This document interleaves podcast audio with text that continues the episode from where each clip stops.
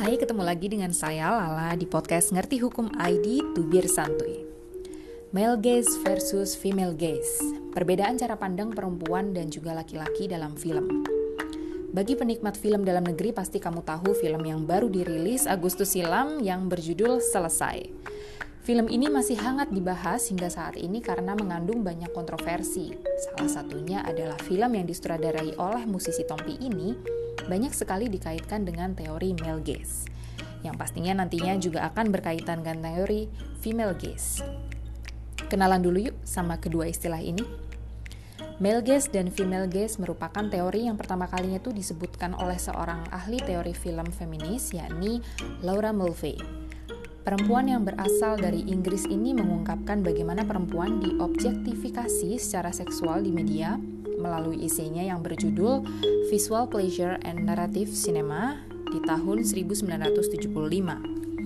Teori Melges merupakan kondisi di mana perempuan diperlihatkan di media berdasarkan sudut pandang laki-laki saja.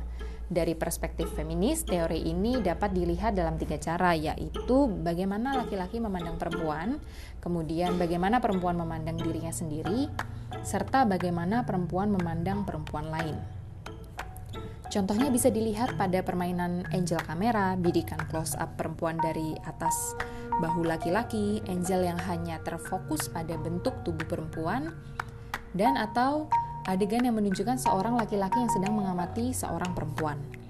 Intinya perempuan akan terlihat sebagai pembawa makna, bukan pembuat, yakni sebagai objek yang pasif dan tidak ditempatkan dalam peran di mana mereka dapat mengendalikan sebuah adegan.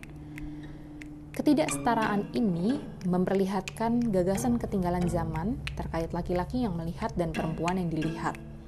Berbeda halnya dengan teori female gaze yang memandang perempuan dari sudut pandang perempuan itu sendiri.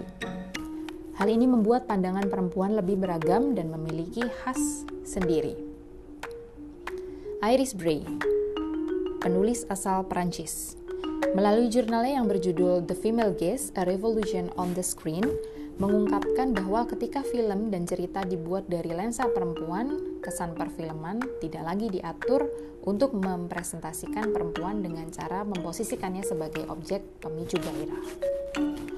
Nah, kalau dalam teori gaze, perempuan kerap kali digambarkan sebagai kelemahan, lain halnya dengan teori female gaze yang menonjolkan sensitivitas perempuan justru menjadi kekuatan tersendiri untuk menghidupkan cerita dalam film atau media lainnya. Intinya turut berperan aktif dalam alur sebuah film bukan hanya berperan pasif. Biasanya film female gaze akan menimbulkan kesenangan penonton yang tidak berasal dari dorongan objektifikasi melalui lensa laki-laki. Penonton akan uh, diajak ikut serta dalam perjalanan emosi lewat plot hingga gambar. Nah, semoga setelah ini kamu bisa membedakan ya film yang menganut teori male gaze atau female gaze. Semoga tubir santuy kali ini bermanfaat bagi kamu. Kunjungi kami di ngertihukum.id dan jangan lupa ikuti dan subscribe kami di Twitter, fanpage, Instagram, LinkedIn, TikTok, dan juga YouTube di Ngerti Hukum ID.